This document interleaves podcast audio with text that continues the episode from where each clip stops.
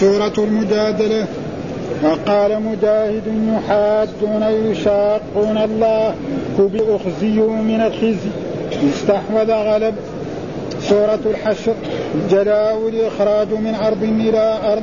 باب قال حدثنا محمد بن عبد الرحيم. قال حدثنا سعيد بن سليمان. قال حدثنا هشيم. قال أخبرنا أبو بشر عن سعيد بن جبير. قال قلت لابن عباس سورة التوبة قال التوبة هي الفاضحة. ما زالت تنزل ومنهم ومنهم حتى ظنوا أنها لم تبق أحدا منهم إلا ذكر فيها.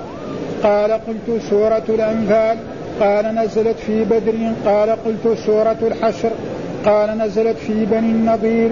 قال حدثنا الحسن بن مدرك قال حدثنا يحيى بن حماد قال أخبرنا أبو عوانة عن أبي بشر عن سعيد قال قلت لابن عباس رضي الله عنهما سورة الحشر قال قل سورة بني النضير ما قطعتم من لينة نخلة ما لم تكن عدوة أو برنية قال حدثنا قتيبة قال حدثنا ليه عن نافع عن ابن عمر رضي الله عنهما أن رسول الله صلى الله عليه وسلم حرق نخل بني النضير وقطع وهي البويرة فأنزل الله تعالى ما قطعتم من لينة أو تركتموها قائمة على أصولها فبإذن الله. وليخزي الفاسقين ما أفاء الله على رسوله. قال حدثنا علي بن عبد الله قال حدثنا سفيان غير مرة عن عمرو عن الزهري عن مالك بن أوس بن الحدثان عن عمر رضي الله عنه قال كانت أموال بني النضير مما أفاء الله على رسوله صلى الله عليه وسلم مما لم يوجب مما لم يوجب المسلمون عليه بخيل ولا ركاب. فكانت لرسول الله صلى الله عليه وسلم خاصة ينفق على أهله منها نفقة سنته ثم يجعل ما بقي في السلاح والقراء عدة في سبيل الله. وما آتاكم الرسول فخذوه. قال حدثنا محمد بن يوسف قال حدثنا سفيان عن منصور عن إبراهيم عن علقمة عن عبد الله قال لعن الله الواشمات والمؤتشمات والمتنمصات والمتفلجات للحسن المغيرات خلق الله فبلغ ذلك امرأة من بني أسد يقال لها أم يعقوب فجاءت فقالت إنه بلغني أنك لعنت كيت وكيت فقال وما لي لا ألعن من لعن رسول الله صلى الله عليه وسلم ومن هو في كتاب الله فقالت لقد قرأت ما بين اللوحين فما وجدت فيه ما تقول. قال لئن كنت قرأتيه لقد وجدتيه. فما قرأت وما آتاكم الرسول فخذوه وما نهاكم عنه فانتهوا. قالت بلى. قال فإنه قد نهى عنه. قالت فإني أرى أهلك يفعلونه. قال فاذهبي فانظري فذهبت فنظرت. فلم تر من حاجتها شيئا. فقال لو كانت كذلك ما جامعتها قال حدثنا علي قال حدثنا عبد الرحمن عن سفيان قال ذكرت لعبد الرحمن بن عابس حديث منصور عن إبراهيم عن علقمة عن عبد الله رضي الله عنه قال لعن رسول الله صلى الله عليه وسلم الواصلة فقال سمعته من امرأة يقال لها أم يعقوب. عن عبد الله مثل حديث منصور. لله رب العالمين والصلاة والسلام على سيدنا ونبينا محمد وعلى آله وصحبه وسلم أجمعين. سورة الحديد. وفي بعض روايات البخاري سورة الحديد والمجادلة. عندنا نحن. سورة الحديد والمجادلة. سورة الحديد مستقلة وسورة المجادلة مستقلة. وهي سورة تقريبا مكية. يقول سورة الحديد تفسير بعض سورة الحديد وسورة غير سورة الحديد. عقيب سورة الحديد. تأتي سورة المجادلة ولكن وقع في رواية أبي ذر هكذا سورة الحديد والمجادلة ولغير ولغيره سورة الحديد فقط. وسورة الحديد مكية خلافا للسدي وقال الكلبي فيها مكية وفيها مدنية وهو الصحيح. ها فيها ذكر المنافقين. لو كانت مكية ما يكون فيها ذكر المنافقين. والمنافقات والمنافقون والمنافقات بعضهم أولياء بعض. ها؟ في يعني هذا. ولم يكن النفاق إلا في المجد وفيها أيضا لا يستوي منكم من أنفق من قبل الفتح وقاتل الآية ولم تنزل إلا بعد الفتح ولا قتال إلا بعد الهجرة. ثم قال بسم الله الرحمن الرحيم. وقال مجاهد جعلكم مستخلفين مستخلفين فيه أي معمرين فيه. ها؟ قول الله تعالى وانفقوا وأنفقوا قول وأنفقوا أمر بالإيه؟ مما جعلكم مستخلفين. يعني معمرين فيه. يعني ما تحت أيديكم. ها؟ ما تحت أيديكم من المال فأنفقوا فيه. معمرين فيه ولم يثبت هذا لأبي ذر وعن المستخلفين فيه. المستخلفين أو مملكين بعضهم فسره مستخلفين أي معمرين. وبعضهم فسره مستخلفين أي مملكين. ومملكين هذا طيب يعني. معمرين فيه. ولم يثبت أبي ذر وعن عن وعن الفراء مستخلفين أي مملكين فيه. ثم ذكر من الظلمات إلى النور وهو قول الله تعالى وهو الذي ينزل على عبده آيات بينات ليخرجكم من الظلمات إلى النور. ها؟ الذي ينزل على عبده المراد بالعبد هنا الرسول محمد صلى الله عليه وسلم بآيات بينات وهي آيات القرآن ليخرجكم من الظلمات إلى النور. الظلمات مجموعة والنور مفرد دائما في القرآن هكذا. ها؟ الباطل كثير الحق واحد. عمره في القرآن ما في إيه؟ يعني الأنوار ها يخرج مثلا من الظلمات إلى الأنوار ما في. ويخرج من الظلمات إلى النور. وهذا دليل على أن الحق واحد. ها ولهذا ولذلك موجود يعني. في آيات في آيات من القرآن آه، آه، في, آيات كثيرة من القرآن. في قول الله تعالى مثلا الله ولي الذين آمنوا. يخرج الله ولي الذين آمنوا. يخرج من الظلمات إلى النور. ها؟ وكذلك في آه أهل الكتاب آه عدة آيات. يعني يخرج من الظلمات إلى النور، المقصود إن الظلمات لا لأن الباطل كثير. وزي ما جاء في الأحاديث الصحيحة عن رسول الله صلى الله عليه وسلم أن الرسول ذكر انه افترقت اليهود على 71 فرقة وافترقت النصارى على 72 وستفترق هذه الأمة على 73 فرقة كلها في النار إلا واحد. وقال لو دخلوا جحر الرب لدخلتموه. قالوا يا رسول الله اليهود والنصارى؟ قال فمن؟ فهنا قال من الظلمات إلى النور أي من الضلالة إلى الهدى والذي ينزل على عبد آيات يخرجكم من الظلمات إلى النور. وسقط هذا أيضا لأبي ذر. ثم ذكر فيه بأس شديد ومنافع للناس. قوله وأنزلنا الحديد. أنزلنا الحديد فيه بأس شديد أي قوة شديدة. ها؟ الحديد جميع الأسلحة القديمة والحديثة. من الحديد. ها؟ سواء القديم أو الجديد لابد فيها الحديد. ها؟ فهذا فيه إيه؟ فيه بأس شديد.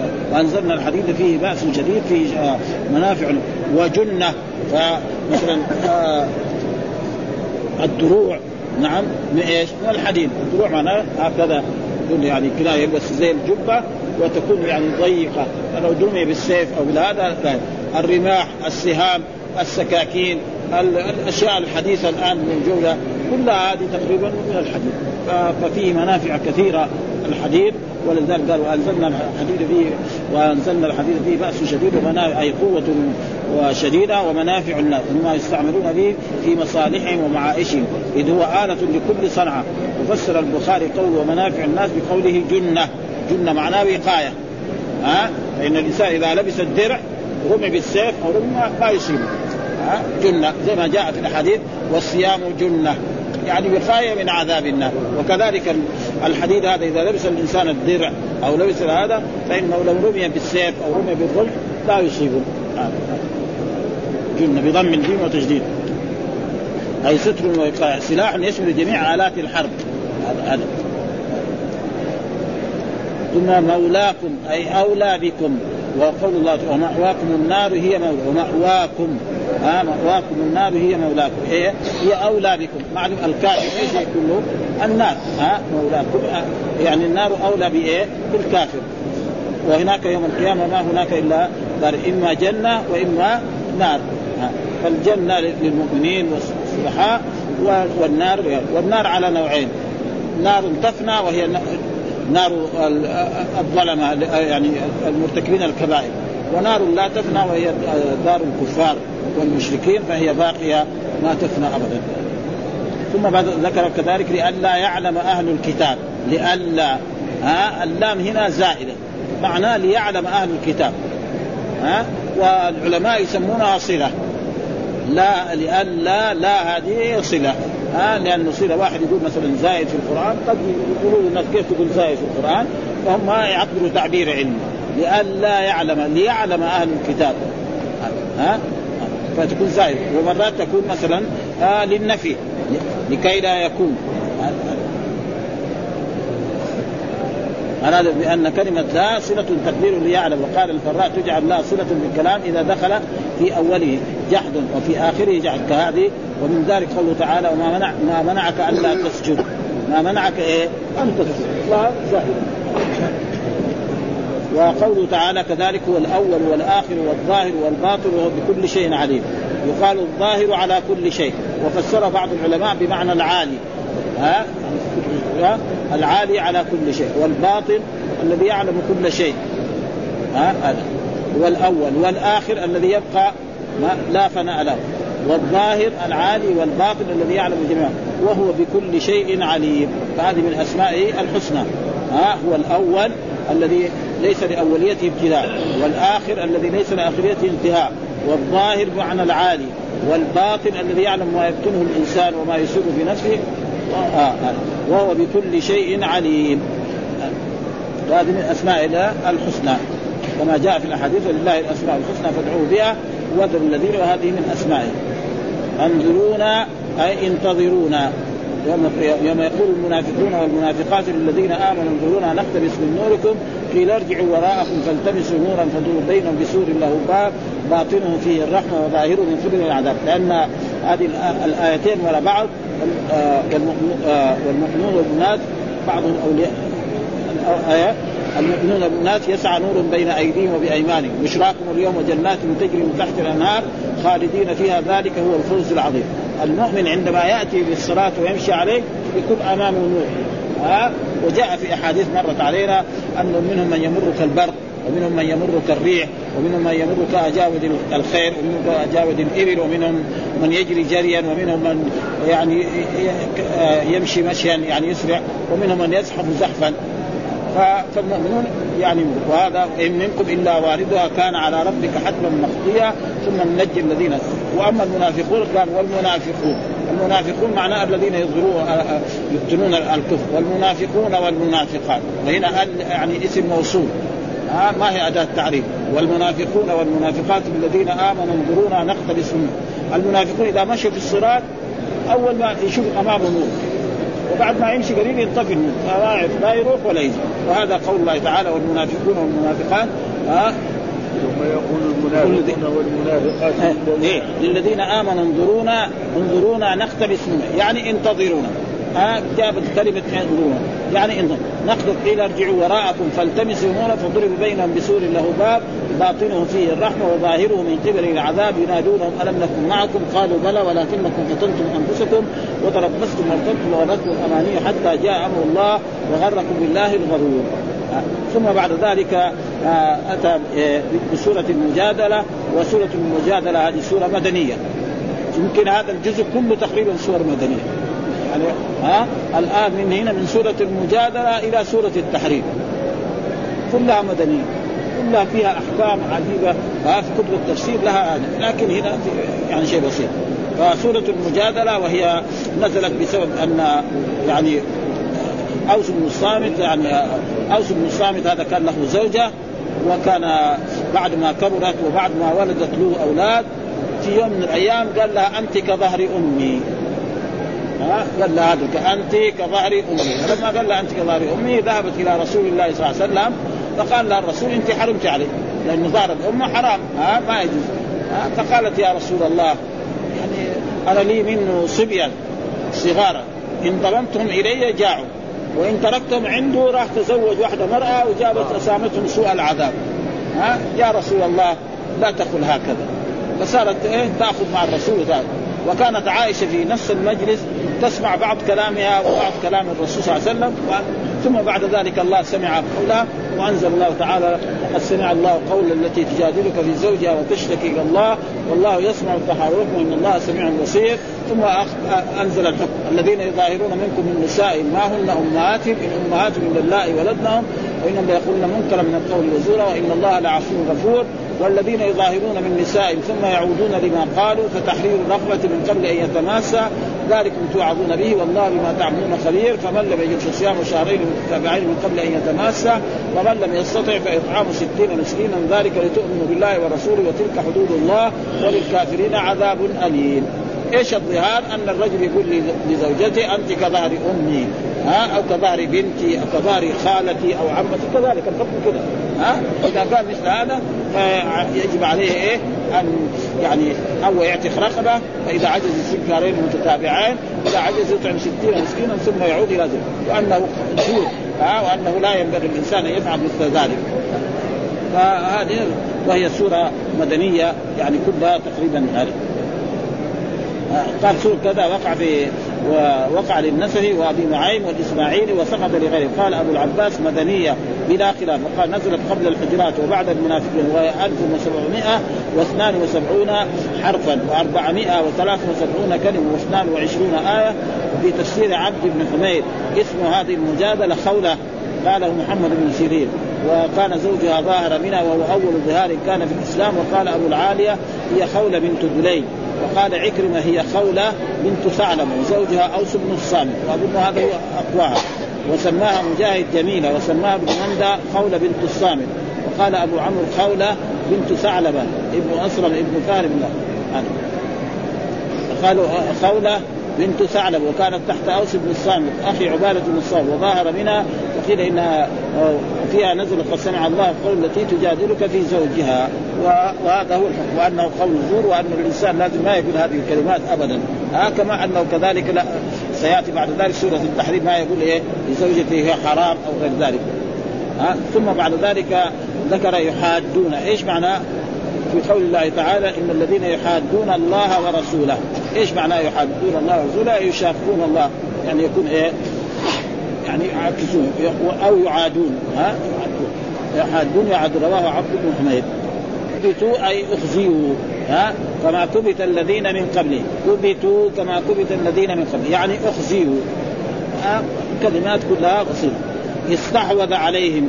أي غلب عليهم. استحوذ عليهم الشيطان. معلوم الشيطان؟ يغلب على الناس الفسقه والفجره مثل ما قال الله تعالى ألم عاهد إليكم يا بني آدم ألا تعبدوا الشيطان؟ إيش عبادة الشيطان؟ هو طاعته. وقال في آية أخرى إن الشيطان لكم عدو فاتخذوه عدوا. ها؟ وحكي عن قراءة عمرو استحوذ ها؟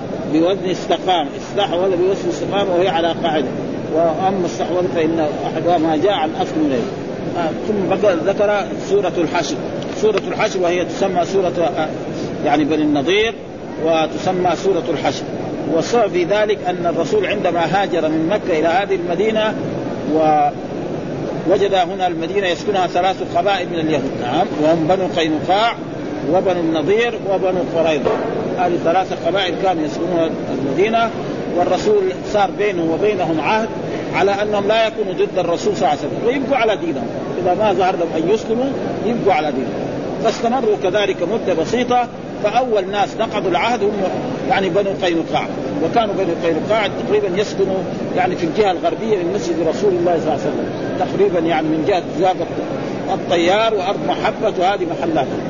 آه وكانوا صوغ تقريبا وظهر منهم الخيانه فأمر الرسول صلى الله عليه وسلم فأجلاهم من المدينة. فخرج. ثم بعد ذلك بعد بمده كان بنو النضير وبنو النضير كذلك خانوا الله وخانوا رسوله صلى الله عليه وسلم فأمر الرسول يعني يحاصروا يعني وكانوا يسكنون كذلك في الجهة يعني القبلية من المدينة يعني بين قبى وبين إيه؟ بين قريظة يعني في قربان زي ما يسمى الآن. ها؟ قربان هذا محل مساكنهم وكانوا يسكنون في ذلك المكان. ثم الرسول حاصرهم مدة أيام ثم نزلوا على حكم رسول الله صلى الله عليه وسلم يعني بأن يجلوا من المدينة وياخذوا ما يستطيعون حمله. ها؟ والباقي يتركوه في المدينة. ومعلوم أن الإنسان لما يبغى يسافر وذاك الوقت السفر على إيه؟ على إبل أو على خيل أو على حمير أو بغال ما يستطيع. مثلا عنده بستان. بستان يخليه غصبا ما يقدر يشيل البستان حقه. كذلك عنده مثلا يعني أدوات طبيخ أو أشياء كذا ما يقدر فأنزل الله تعالى في هذه السورة وهي سورة الحشر. ها؟ سبح لله ما في السماوات وما في الأرض وهو العزيز الحكيم. والذي أخرج الذين كفروا من أهل الكتاب من ديار لأول الحشر ما ظننتم أن يخرجوا وظنوا أنهم مانعة الخصوم من الله فأتاهم الله من حيث لم يحتسبوا وقذف في قلوبهم الرعب يخربون بيوتا بأيديهم وأيدي المؤمنين فاعتبروا يا أولي الأبصار. ولولا أن كتب الله عليهم الجلاء لعذبهم في الدنيا ولهم في الآخرة عذاب النار. ذلك بأنهم شاقوا الله ورسوله من يشاق الله ورسوله إن الله شديد العقاب. ها فأجلاهم الرسول وخرجوا إلى خيبر. ها وجلسوا هناك ثم بعد ذلك بعد في, في العام السابع الرسول كذلك غزا خيبر وانتصر عليهم وجلسوا وهم طلبوا من رسول الله صلى الله عليه وسلم أن يقوموا بخدمة البساتين هذه ويكون للرسول نصف الثمرة ولهم نصف الثمرة وأبقاهم الرسول على ذلك حتى أجلاهم عمر بن الخطاب رضي الله ثم بني قريظة كذلك بعد ذلك خانوا العهد بعد بعد بعد الخندق فحاصرهم الرسول صلى الله عليه وسلم. ثم نزلوا على حكم سعد بن معاذ. نعم معاذ. فأمر بقتل جميع البالغين. وكان يمكن يجوا عددهم 600 شخص. وكل إنسان بالغ يقتل فكان ينظر اليهم أي واحد أنبت الشعر بالغ يقتل. وكانوا 600 فاخذوهم ثم نفذوا فيهم هذا وأصبحت أموالهم كذلك. وهذا معناه يعني هذه بالخلاص قال آه سورة الحج قال تفسير بعض سورة وهي مدنية وهي 1913 حرفا و445 كلمة و24 آية. وسميت سورة الحشر لقوله تعالى هو الذي أخرج الذين كفروا من أهل الكتاب من ديار لأول الحشر. يعني أول الحشر معناه جهة إيه؟ الشام. يعني الله هو الذي أخرج الذين كفروا من بني النضير الذين كانوا بيثرب. وعن أبي إسحاق كان جلاء بني النضير مرجع النبي صلى الله عليه وسلم من أحد. وكان فتح قريظة عند مرجعه من الأحزاب وبينهما سنتان وإنما قال لأول الحشر لأنه أول من حشر من أهل الكتاب ونفوا من الحجاز وكان حشرهم إلى الشام وعن, مرة الحمداني كان أول الحشر من المدينة والحشر الثاني من خيبر وجميع جزيرة العرب إلى أذرعات وأريحة من الشام في أيام عمر بن الخطاب رضي الله تعالى عنه. وعن قتادة كان هذا أول الحشر والحشر الثاني نار تحشرهم من المشرق إلى المغرب ثم ذكر بسم الله الرحمن الرحيم الجلاء الإخراج من أرض إلى ها؟ إيش الجلاء؟ والذي أخرج الذي آه، لولا أن كتب عليهم الجلاء ها؟ الآية لولا كتب الله عليهم الجلاء لولا أن كتب الله عليهم الجلاء لعذبهم يعني الإخراج ها؟ فالجلاء والإخراج بمعنى واحد بس إنما الإخراج أعم ها؟ الإخراج أعم الجلاء يخرج من ارضه إلى أرض أخرى. وأما الإخراج قد يخرج من مثلا لو خرج من المسجد يقول خرج من المسجد أو خرج من بيته ها فهذا أعم ها إذا خرج الإنسان من بيته يقول خرج ها أو أخرج من من بيته أو أخرج من مكان فلان أو أخرج من السجن فهذا أعم من إيه؟ أما الجلاء لا يخرج من أرضه إلى ارض أخرى فهذا في فرق بين إيه؟ بين الجلاء وبين الإخراج، فالإخراج اذا أعم ها؟ ثم ذكر الحديث قال حدثنا محمد بن عبد الرحيم حدثنا سعيد بن سليمان قال حدثنا هشيم قال أخبرنا أبو بشر عن سعيد بن جبير قال قلت لابن عباس سورة التوبة قال لا التوبة هي الفاضحة. ها؟ يعني الناس يسموها التوبة لكن هي الفاضحة لأنه فيها يعني تكلمت ذكرت عن المنافقين الشيء الكثير وذكرت منه ومنهم من عاهد الله لئن آتانا من فضله لنصدقن ونقول ها؟ ومنهم الذين يؤذون النبي ويقولون هو اذن ها إلى غير ذلك عدة منهم منهم منهم منهم. فهي الفاضحه فضحت المنافقين. حتى أن بعض المنافقين ظن إنه بكرة تنزل آية تريده هو وبكرة تنزل آية تريد الفلاني. حتى يعني أصبح يعني معروف الفاضل واما سورة الأنفال فهي يعني نزلت في إيه؟ في قصة آه، بدر. وسورة الحشر نزلت في بني النضير. ها؟ يعني هذا استطراد. قال فاضحة ما زالت تنزل ومنهم ومنهم ومنهم حتى ظنوا أنها لم تبقي أحدا منهم. ومنهم من عاهد الله لئن آتانا من فضله لنصدقن ونكون وقال إنها نزلت في ثعلبة. وكان رأينا كتاب جديد ألفه شخص يعني كان في جامعة الإمام. يقول أنه ليس هذا ثعلبة. يعني كثير من المفسرين يقولوا أن ثعلبة هذا يعني من شهد بدرا. وحقيقة الرسالة كنت أخذناها وطالعناها فيبغى لها مراجعة تمام. ها؟ ها؟ ها, ها؟ يعني مثعلبه هذا. لأنه كثير منهم يقولوا من من عاد الله إنه هذا جاء رجل إلى النبي صلى الله عليه وسلم فقال يا رسول الله ادعو الله لي أن يعطيني مال. فقال له لا اصبر على فدعا له الرسول فكثر ماله. بعد ذلك لما كثر ماله كان مثلا يحضر مثلا في الجمعة. بعد ذلك بطل ما يحضر في الجمعة. ثم بعد ذلك لما أرسل الرسول له من يقبض الزكاة أبى أن يؤدي الزكاة. آه ثم بعد ذلك جاء أبو بكر آه فأراد يعطي الزكاة لم يقبلها منه. ثم عمر. وإلى كل حال وكتب التفسير حقيقة موجود في هذه القصة.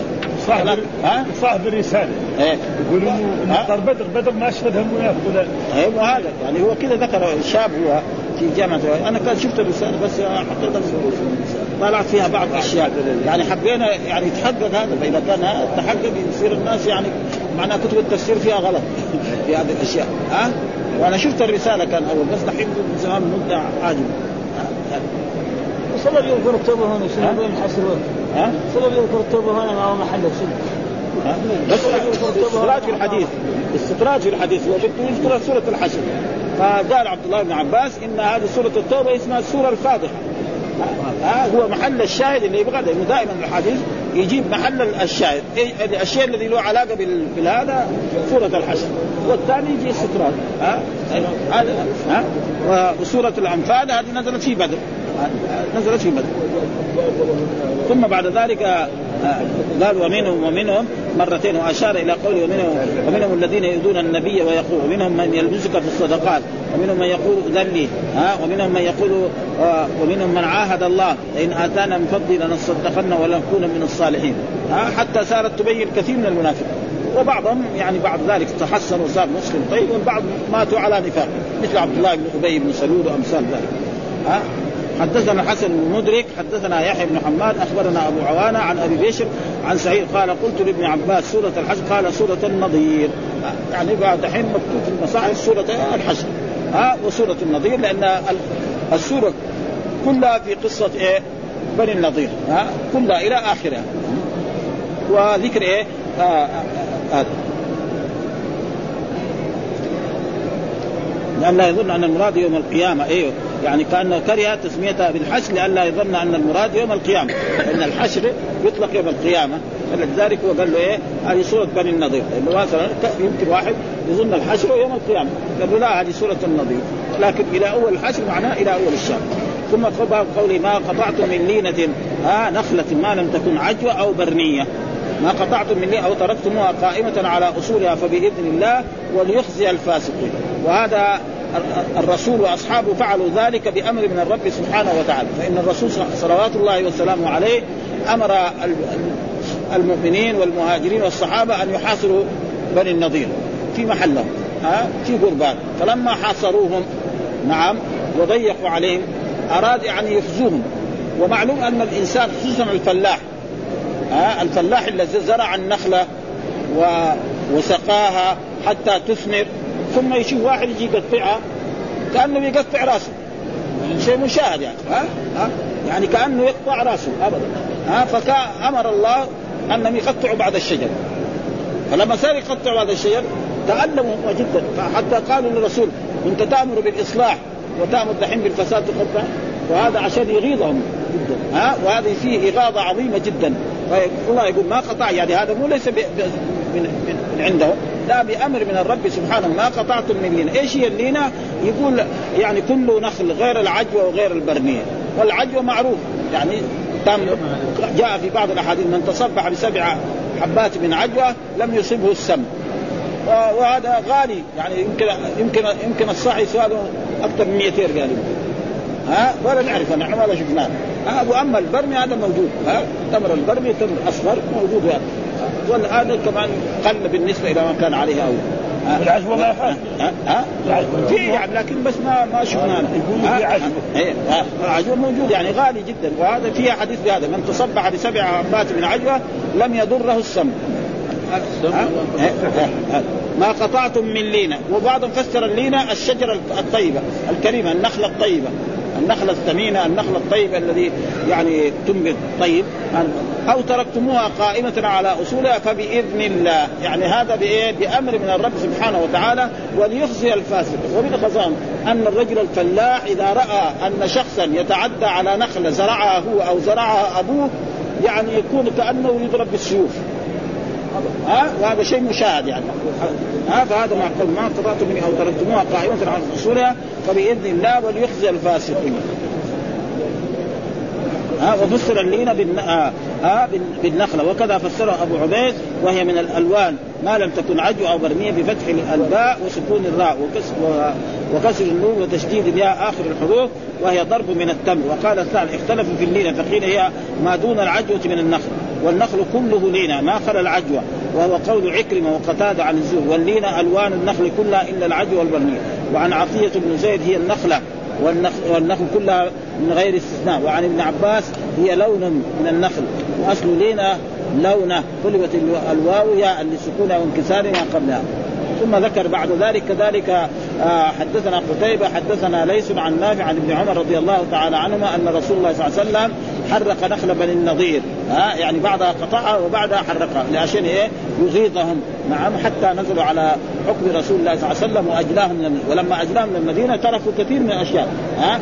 ثم بعد ذلك الرسول وهي البويرة فأنزل الله تعالى ما قطعتم من لينة أو تركتموها قائمة على أصولها فبإذن الله.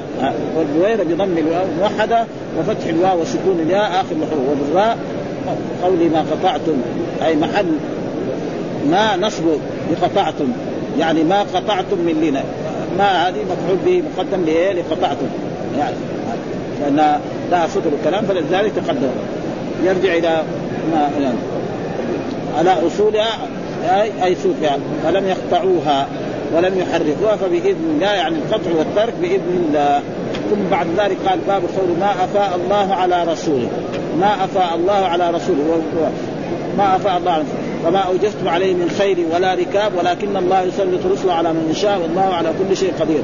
ما أفاء الله على رسوله من أهل وما أفاء الله على رسوله من أهل القرى فلله وللرسول ولذي القربى واليتامى والمساكين وابن السبيل كي لا يكون دولة بين الأغنياء منكم وما آتاكم الرسول فخذوه وما نهاكم عنه.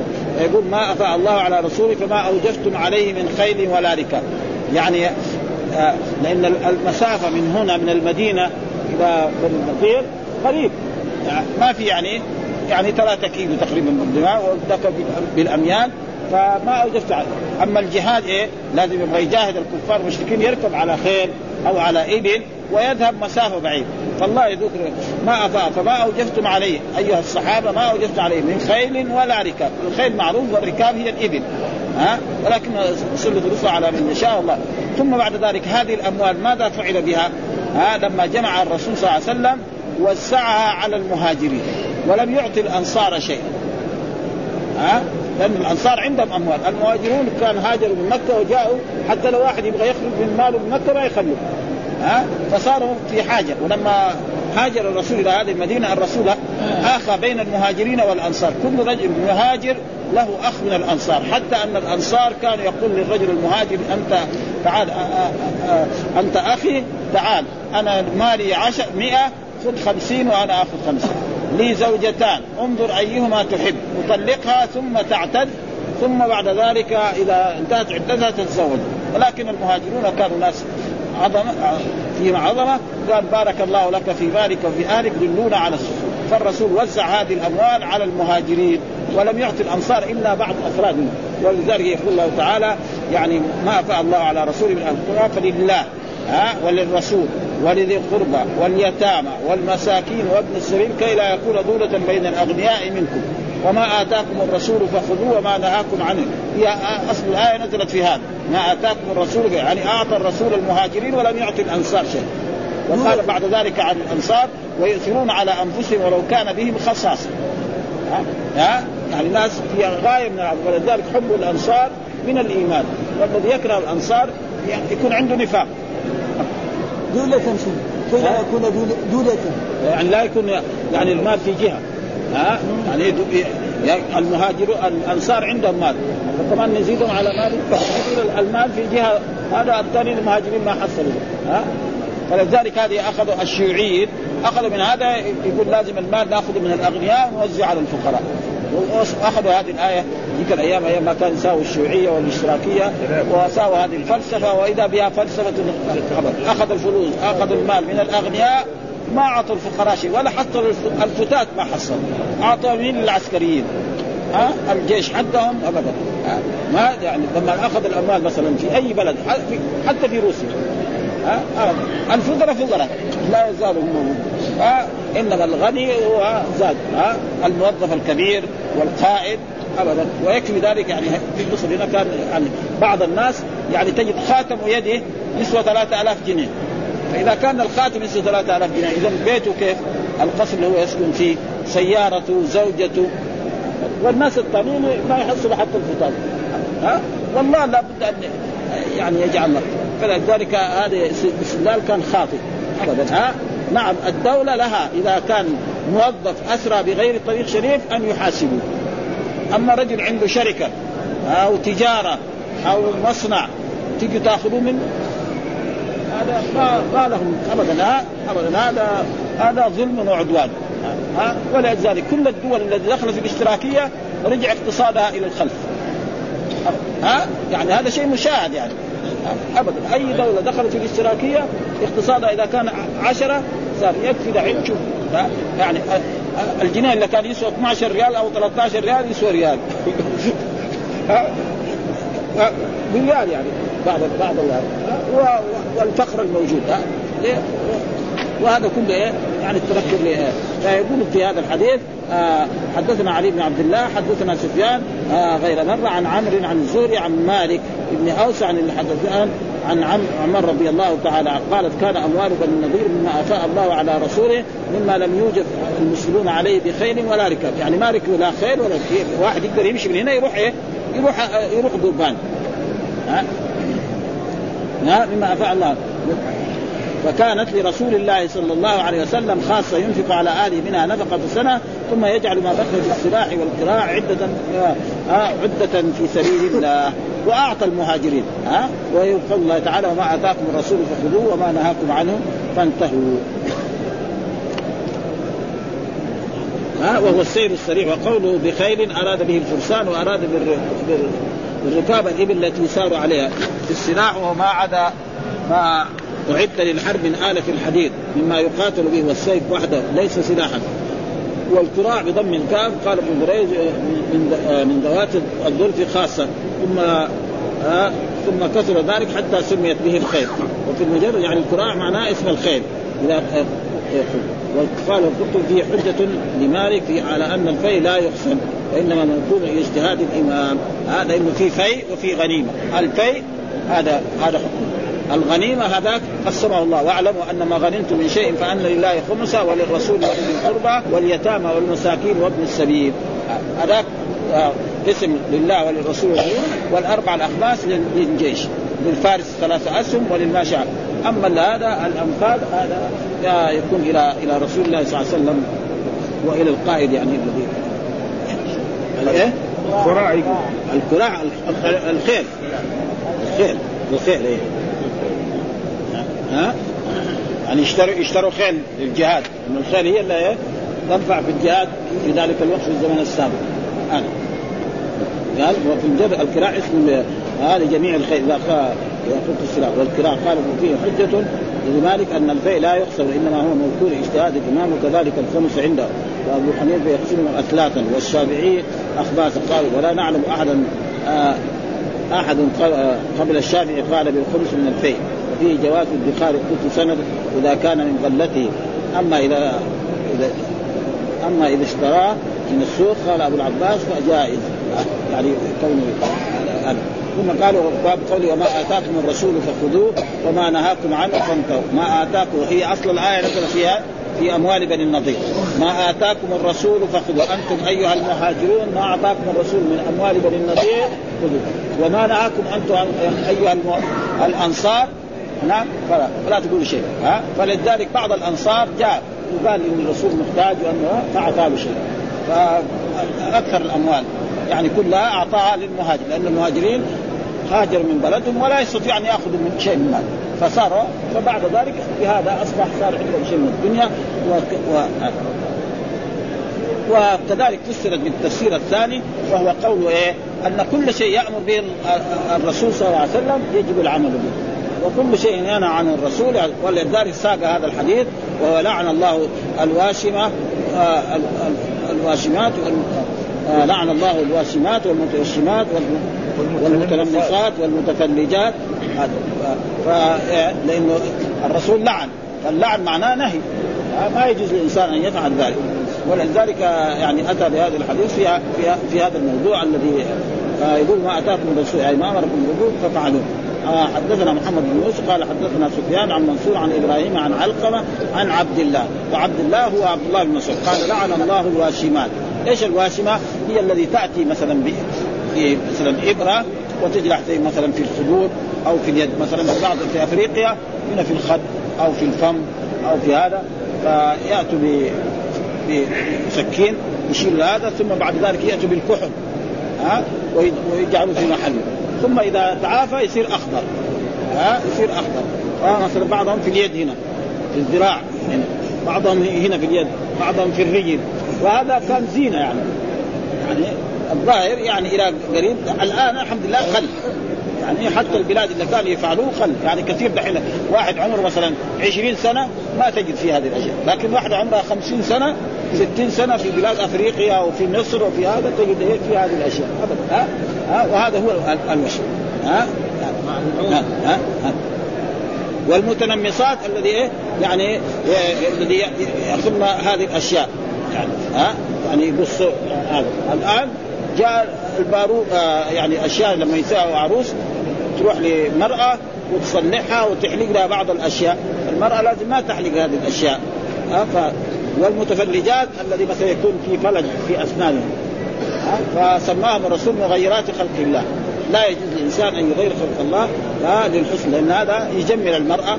فالرسول نهى عن ذلك فقال لعن الله الواشمات الشمال والمتنمصات والمتفلجات. المتفلجات الذي كانت أسنانها يكون فيها فاصل كده تكون تبردها وتجملها ففي نهي من رسول الله صلى الله عليه وسلم فكان ولذلك كان عبد الله بن مسعود لما رأى ذلك يعني لعن هذا. فقالت المراه كيف أنت تلعن هذا؟ راحت. قال كيف ما ألعن إلا لعن رسول الله؟ أنا ألعن. فهذا هو الحديث. المغير لحسن المغيرات خلق الله.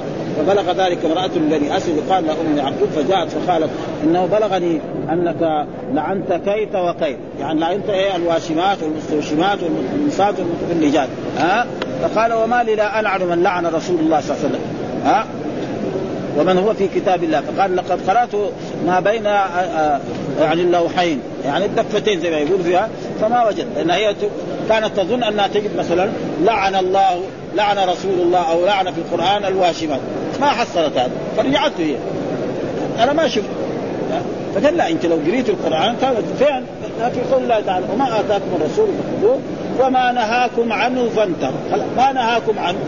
يدخل فيها. كل شيء نهى عنه الرسول. يدخل فيها ففهمت يعني في بعض الروايات انها فهمت. فالإنسان لازم يعني كل شيء ينهى عن الله وينهى عن الرسول. ثم في قواعد أصولية. كل أمر يأمر به الله فهو للوجوب. وكل أمر ينهى عنه الله أو الرسول فهو حرام. إلا إذا جاء دليل يدل على أنه مكروه؟ فإذا جاء أمر من الله ها خلاص للوجوب. نهي نعم للتحريم. إلا إذا جاءت أدلة تدل على ذلك مثلا في بعض الأدلة. مثلا القرآن قال وأقيموا الصلاة وآتوا الزكاة اطيعوا الله هذا كله واجب. يجي مرات مثلا إذا خذت الصلاة فانتشروا. هذا يصير إيه؟ انتشروا. هذا الأمر إيه؟ للاباحه هنا حتى ما هو للندب. ها؟ يعني إذا صلينا الجمعه واحد ها؟ وقال في آية أخرى اذا حللتم فاصطادوا. يعني إذا انتهيتم من الإحرام ها في العمرة أو في الحج يعني فاصطادوا يعني إيه؟ حلال لكم الصيد، ليس معناه إنه إذا غلق من الإحرام يروح يدور له بندقية يروح يجري ورا الطيور ويجري ورا الغزلان، لا ها فاصطادوا هذا فعل أمر ما على حسب انه كذا إعراب اللغة العربية ها؟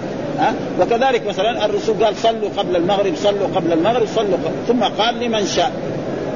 ها؟ وكثير يعني ها؟ يعني ها؟ فلذلك كل أمر فلذلك إذا نهى الله أو نهى الرسول عن شيء فهو يعني الأمر الوجوب والنهي لهذا لكن هناك أدلة قد تدل وهذه يعني في الأصول يبين هذه الأشياء آه تعلق بالمتفلجات لأجل الحسن. قيد به لأن الحرام من هو المفعول آه والمفعول لطالب الحسن. أما إذا احتوج إليه لعلاج أو عيب في السن ونحوه فلا بأس. وهذا صحيح. الآن واحد يكون يعني يساوي أسنان أو يركب أسنان لابد ان يعني حكم السن ولا بد أن تكون الأسنان متقاربة مع بعض. ها؟ والمغيرات خلق الله يشمل ما ذكر فيه. ولذلك قال آه قال المغيرات آه بدون الواو لأن ذلك كله تغيير لخلق الله وتزوير وتدليس. وقيل هذه صفة لازمة آه للتفنيد. وقول أم يعقوب لما أقف على اسمها ففهم من ذلك أن هذه أشياء لا تجوز أن الإنسان يفعلها. ثم ذكر الحديث الثاني قال ان كنت قرأتين وهو باصله من وجه الأول أن فيه إشباع. آه ثم ذكر آه قال حدثنا حدثنا علي قال حدثنا عبد الرحمن عن الا في هذه في مسألة هذا. قال فنظرت فلم ترى من من حاجتها فقال لو لو كانت كذلك ما جامعت ما يعني يمكن ما ما أظن يعني ما جامعت من معنى الجماع يعني ما تنفع إذا كانت ترتكب ذنب وإثم يعني ما أخليها في بيتها أطلقها. هذا معنى أو إنه معناه يطلقها بس ليس معناه إنه ما يجامع لأن عبد الله بن مسعود صحابي جليل وعنده قوة يعني. حدثنا علي قال حدثنا عبد الرحمن عن سفيان قال وذكرت لعبد لعبد الرحمن بن عابس حديث منصور عن إبراهيم عن علقه عن عبد الله. قال لعن رسول الله صلى الله عليه وسلم الواصلة فقال سمعت من امراه سمع سمعت من امرأة يقال أم يعقوب عن عبد الله مثل حديث منصور